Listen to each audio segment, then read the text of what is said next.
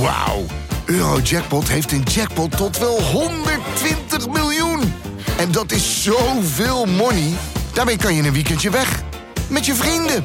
In space. Koop je lot in de winkel of op eurojackpot.nl. Eurojackpot. Een spel van Nederlandse Loterij. Speelbewust 18+. Plus.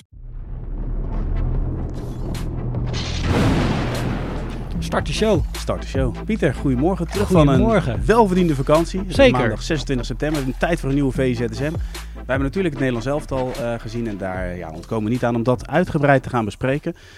Ja, we hebben gewonnen van de nummer 2 van de wereld. Dus eh, ja, gaan wij wereldkampioen worden, Pieter? Dat lijkt me allemaal wat eh voorbarig om meteen Want? te roepen. Het is de nummer 2 van de wereld. Zeker. En nou Nederland heeft natuurlijk sinds Louis van Gaal terug is, blijken ze moeilijk te verslaan. Er zit altijd een goed tactisch plan achter. Dat klopt vaak. En het blijkt dat op het moment dat iedereen zijn taken uitvoert, zoals nu tegen België, dan kun je eigenlijk in balbezit helemaal niks goed doen. En dan toch het België nog lastig maken. Ja. Omdat eh, ze niet zo makkelijk tot kansen komen als je vanuit eh, dit systeem opereert, wat Nederland zelf al eh, nu gebruikt. Dus ja, dat is het positieve. Ik denk ook dat dit de ideale generale was richting het wereldkampioenschap. Want precies dit optimisme, wat je natuurlijk ook na Polen volgens mij eh, heel erg kreeg. Van nou ja, goh, we gaan naar het en worden misschien wel even wereldkampioen. Ik denk niet dat het voor Nederland zelf toch goed is als ze met dergelijk optimisme aan het toernooi beginnen. Ik denk als je naar de geschiedenis van Nederland zelf al kijkt, dat het vaak eigenlijk beter is als ze naar een toernooi toe gaan en dat iedereen nog een beetje denkt van ja, wordt dit wel wat? Ja, maar het is geen 2014, Pieter. Het is niet zo dat er nu een selectie is waarbij eh, niemand rekening houdt dat ze überhaupt een rol van betekenis gaan spelen, toch? Nou, als je gewoon denkt, het middenveld. Nou, wat nu dus totaal niet eh, functioneerde, het eh, middenveld. Creatief wat functioneert. Verdedigend functioneert het wel. Verdedigend functioneerde het eh, oké, maar creatief functioneerde niet. Maar als je gewoon... Ik zat natuurlijk naar te kijken en denk ik, ja, het loopt totaal niet. Maar dan ga je ook even reëel naar die opties kijken. En in principe bestaat ons middenveld uit bankzitter van Ajax, een bankzitter van Barcelona, een bankzitter van Bayern München. Nou, nog iemand die wel speelt eh, bij Atalanta, of eigenlijk twee jongens die wel spelen bij eh, Atalanta, Bergamo en de buitenspeler van PSV. Dat is het middenveld van Nederland elftal. Ja, ik weet niet of je op basis, op basis van een selectie zou je niet moeten zeggen Nederland hoort bij de top 4, top 5 kanshebbers op het eh, komende WK. En als we overpresteren, dan is dat denk ik te danken aan ja, de bondscoach. Want ook aanvallend, als je gewoon aanvallend creatief kijkt, is natuurlijk ook de reden dat hij gewisseld is überhaupt van systeem. Vleugelspitsen hebben we niet eh, of nauwelijks. Goede aanvallers is best wel ook beperkt. Middenveld is best beperkt. We hebben een hele goede verdediging. En een oké keeper. We hebben vier oké keepers. Maar ja, achterin is het eh buitengewoon goed. Nou, heb je, dus heb je heel veel kans. kwaliteit. En dus maak je kans op basis eh, van de verdediging. Maar we moeten nog niet als doen alsof eh, Nederland op basis van materiaal eh, als grote favoriet richting Maar we zijn niet eens gaat. outsider volgens jou. Nou, ik denk outsider ja. Ik denk als Wel. je gewoon heel realistisch naar kijkt, ben je gewoon een outsider.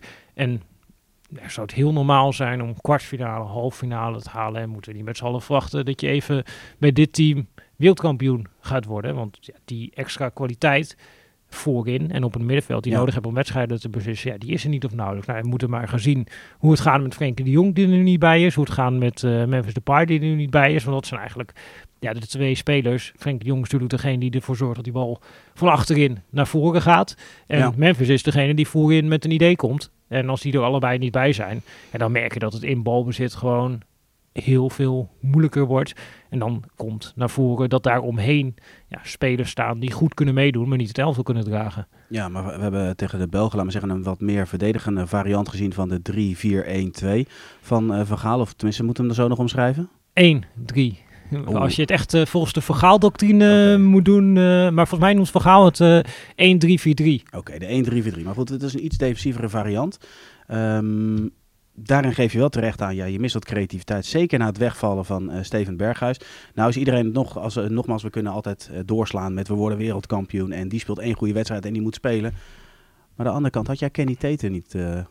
of Kenny Tater? Had jij Kenneth, Kenny Teten. had jij Kenneth Taylor niet Ik had zien? Kenny Teten wel verwacht, ja. Ja. Die, die deed nog mee recent eh, in een van die Ja. kwalificatiewedstrijden. Toen we verloren van eh, Turkije onder Frank de Boer. Toen speelde Kenny Teten nog in oranje. Ja, precies. En nu Kenneth Taylor. Ja, dat is ook wel Nou, die hebben we eerder besproken trouwens, Kenneth, Kenny Tater. Maar we ik hebben het over Kenneth Taylor in dit Mhm. geval. Die zou misschien wel dat stukje creativiteit kunnen brengen.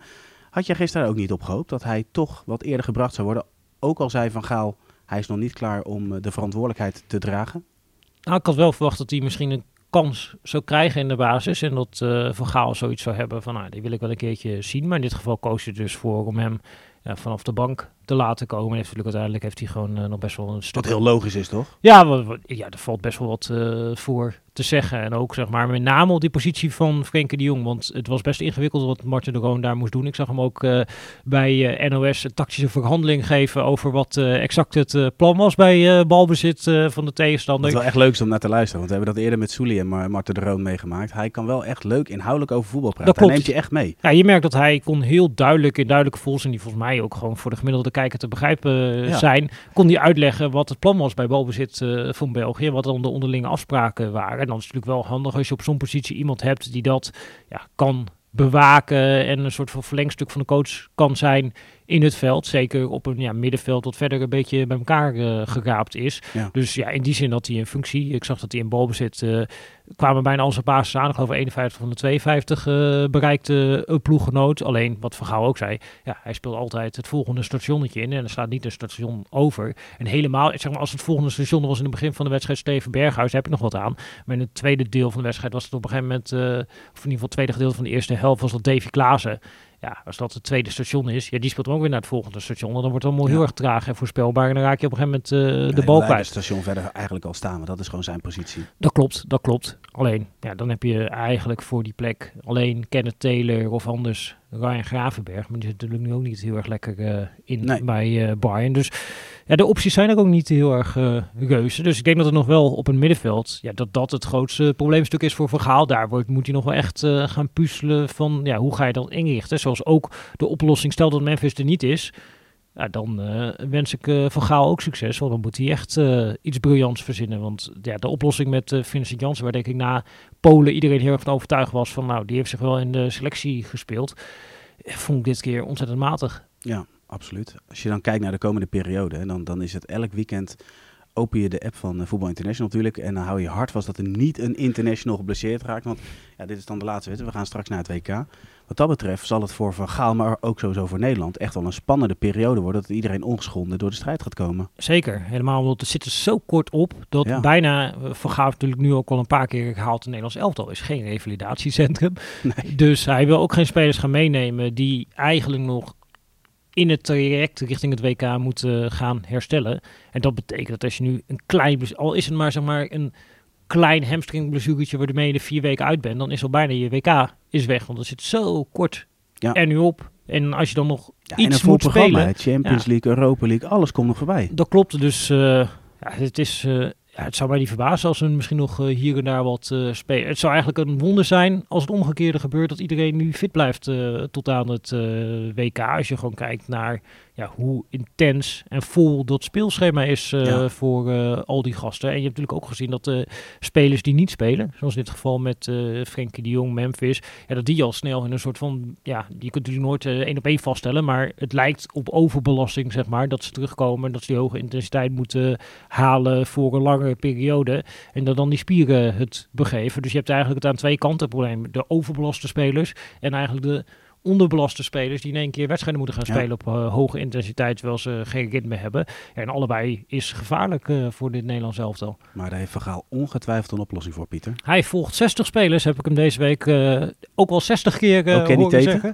Ik weet niet of Kenny Tate daarbij zit. Ik, ik denk er eigenlijk niet, omdat hij natuurlijk nu nou, hij speelt wel weer op het hoogste niveau. Die zou er misschien wel bij kunnen zitten, Kenny Teten. Ik wil heel kort nog uh, Jurgen Timmer met jou bespreken. Ja. Um, we hebben gisteren wel iets opvallends gezien in die zin. Uh, kan je nog herinneren dat Bert van Marwijk hier te gast was tijdens uh, de talkshow? En dan ging het over dat ze in Nederland zoneverdediging, dat dat, dat dat een lastig iets, dat ze dat niet mm -hmm. echt gewend zijn. En in het Europees topvoetbal zie je, we zijn nu al een paar jaar verder, zie je eigenlijk alleen maar uh, zoneverdediging. En dan zie je de wedstrijd tegen de Belgen.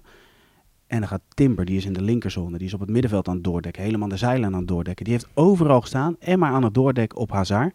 Maar daarmee geeft hij ook wel ruimtes weg. In hoeverre was jij verrast uh, bij het zien van die beelden? Nou, totaal niet, omdat dit is heel erg Louis van Gaal. Ik kan me een uitzending herinneren. Dat maar je ziet het niet veel toch, Pieter? Nee, je ziet het niet veel, maar ik kan me een uitzending herinneren. Dat zat Jurgen Klopp bij Monday Night uh, Football, een van de beste inhoudelijke voetbalprogramma's uh, ter wereld.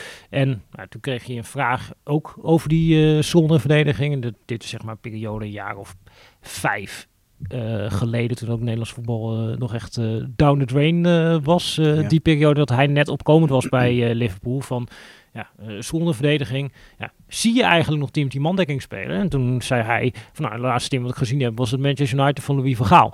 En ja, dit is hoe Louis van Gaal wel eigenlijk zijn hele carrière gespeeld heeft en gewerkt heeft. En er zitten wel nuances aan, omdat het natuurlijk een beetje nou ja, vanuit de zon opvangen is. En het treintje waar uh, Martin de Roon het over had, dus dat iemand op een gegeven moment kan doorstappen, dat iemand anders dan jouw man overneemt. En hij is natuurlijk ook wel heel erg bezig met onderlinge afstand, et cetera, et cetera. Maar het is wel een variant op mandekking die Van Gaal nog steeds hanteert. Uh, ja. Zoals ook zijn uh, nou ja, discipel uh, José Mourinho, die zegt dat hij verdedigen van Vergaal geleerd heeft. Die doet dat ook nog steeds. En nou, je ziet wel dat je in ieder geval met die structuur op een goede manier uitvoert met kleine onderlinge afstanden. En dat je niet, want het is niet zeg maar de Zielinski variant die we zagen zeg maar, tegen Frenkie de Jong. Dat als, iemand, als hij naar de toilet gaat, dat hij ook met hem meegaat. Op een gegeven ja. moment laat hij hem los en geeft hij hem over. En daar moet ja, natuurlijk precies. ook iemand als de Roon heel veel uh, coachen. Omdat je continu moet kijken wie duikt op in welke zone en wie gaat hem dan volgen. Maar binnen die zone ja, is het echt uh, mannetje tegen mannetje. En ik denk juist voor een nationaal elftal. Kijk, als je dit gaat doen in het clubvoetbal, dat hebben we ook gezien tegen België. Dat hebben we nu eerder ook al gezien tegen Duitsland. Als je een team hebt wat heel veel positiewisselingen gaat doen tegen deze mandekking, ja, dan kom je in een soort van carousel terecht en dan kom je overal te laat. Dat hebben we gezien tegen Duitsland, hebben we nu ook weer gezien. Ieder team dat tegen Nederland gaat spelen op het WK en een fatsoenlijke analyse doet, ja, die komt tot een conclusie. Als jij veel van positie gaat wisselen tegen het Nederlands elftal, ja, dan komen ze in de problemen. Dus dat is wat we moeten gaan doen. En alleen het ding is, nou, wat je natuurlijk ook nu bij Nederland zag, ja, die teams hebben weinig tijd om te trainen, die positiewisselingen er echt goed in te krijgen. En juist Ja. dit, ja, verdedigend is het ook een hele makkelijke manier van verdedigen, wat veel simpeler in te slijpen is dan ja, wanneer het eigenlijk iets complexer is met echt vanuit de zone verdedigen en mannetjes van elkaar eh, overnemen en ja, die onderlinge afspraken goed krijgen. Dat, dat vergt eigenlijk meer tijd. Dus je kunt dit sneller doen, sneller inslijpen. En tegenstanders hebben ook heel weinig tijd om hier een fatsoenlijk antwoord eh, op te vinden. Dus ik denk dat als je zeg maar als vergaal clubcoach zou zijn, dan zou dit eh, genadeloos afgestraft eh, worden door tegenstanders. Maar ik denk als bondscoach dat dit een hele slimme route is om te bewandelen. Oké, we houden vertrouwen in Louis Vergaal. Dan gaan wij door naar het meest gelezen item op vi.nl. Dat is de nieuwe bijnaam van Lionel Messi. Voorheen was het altijd de Flow. Ja, nu noemen ze hem de Wezel. In Argentinië is men een beetje, ja, waar komt het vandaan? Pieter, heb jij antwoord op deze vraag? ik heb het bericht gelezen. Ik werd er in ieder geval wijzer van. Nee, nee. Ik denk dat veel mensen die moeten hierop geklikt hebben gedacht hebben, oké, ja, de wezel. En, Ja, eh, volgens het nog komen ze niet verder dan klein en sluw. Ja. Nou ja, Ja. goed. eh, dat, ja, dat zal het dan eh, zijn. Dus, nou ja, een eh, raadsel. Misschien wordt er nog opgehelderd eh, richting het eh, WK. Een nieuwe bijnaam van Messi. Maar misschien is hij is dan eigenlijk wel gegroeid, toch? Van flow naar wezel. Dan heeft hij wel een gigantische groei doorgemaakt. Ja, zeker ja. Ja, als je het zo bekijkt. Jij ziet het weer heel positief. Heel positief. Dit is trouwens wel, denk ik, het kortste onderwerp dat we ooit besproken hebben VZSM. Want we kunnen er werkelijk geen zinnig woord over zeggen. Nee. Maar goed, meest gelezen is meest gelezen. En daar Ja, moeten we ons gewoon aan vasthouden. Maar dan pakken mensen er toch weer even mee, eh, weet je. Dan zit je naar Messi te kijken. eh, eh, komende week bij Paris Saint-Germain. Zegt, dat doet die wezel toch weer goed. Ja, wezel. Sluwe gozer, sluwe gozer. En dan gaan we naar eh, meest gelezen op VPRO. En Dave Albers is natuurlijk elk weekend weer op pad voor een mooi verhaal. Zo nu bij VV Unicum, een tweede klasse waar wat oud-profs eh, actief zijn. In dit geval Gino Bos, de zoon van. En eh Thijs, Jordi Thijs in dit geval, de oud-spits van Valkirk volgens mij. Ja. AFC onlangs nog. Eh, die spelen daar. Ja, op zich een opvallend verhaal weer. Klopt, het is eh, nou, in een serie eh, die we in het blad wekelijks hebben over eh, de basis, eigenlijk het amateurvoetbal. en daar zijn natuurlijk ja, veel leuke verhalen op te halen. En dit is typisch zo'n verhaal wat een beetje ontstaat dat ja, je ziet zo'n transferperiode in de zomer. En dan zie je in één keer ja, verschillende oud-profs naar Unicum gaan. Een club die tweede klasse speelt, dus echt laag. En nou, dat was eh, de aanleiding om daar eens een keer naartoe te gaan. Om ja, te gaan vragen van, goh, ja, hoe komen die mensen daar eh, terecht? En dat heeft eh, Dave Albers in dit verhaal heeft hij dat uitgewerkt. Dus ik zou zeggen, ga dat lezen op VE Pro. Ja, was jij in die zin wel verrast vanwege het feit, want Bos is nog niet zo oud. Normaal zie je een oud-prof, zeg even van 4, 5, 36, die nog even bij een oude club gaan voetballen. We hebben ooit eens een keer een verhaal gemaakt met Tim de Cler, die in zijn Mhm. nadagen nog eventjes bij Luchtdunum in Leiden ging spelen. Maar Bos is nog relatief jong. Dat klopt. En ja, het was zoveel als dat uh, de voorzitter was hem tegengekomen op vakantie in Curaçao. Een beetje een uh, Graciano Pelle verhaal. Uh, ja. die, die vibe kreeg je erbij. Van, je komt iemand tegen op het strand. Die zegt, wil je niet hier komen spelen? Misschien had hij al ja gezegd. En toen keek ze een keertje op welk niveau ze speelden. maar ja, wel opvallend inderdaad dat hij daar terechtkomt. Uh, maar ik denk dat het ook een signaal is dat uh, hij zijn voetbalambities uh, als op een fatsoenlijk niveau dat hij die wel in de ijskast heeft gezet. Precies. Pieter, dankjewel voor jouw bijdrage aan deze VZSM. En jongens, jullie bedankt voor het kijken en voor het luisteren. Morgen zijn we uiteraard weer terug met een nieuwe VIZSM. Vanmiddag overigens in het rondje langs de buitenlandse velden wordt de winnaar bekendgemaakt van de reis naar Real Madrid tegen Shakhtar Donetsk. Mede mogelijk gemaakt door Hankook Tires. Voor nu bedankt voor het kijken en voor het luisteren en tot de volgende aflevering. Doei!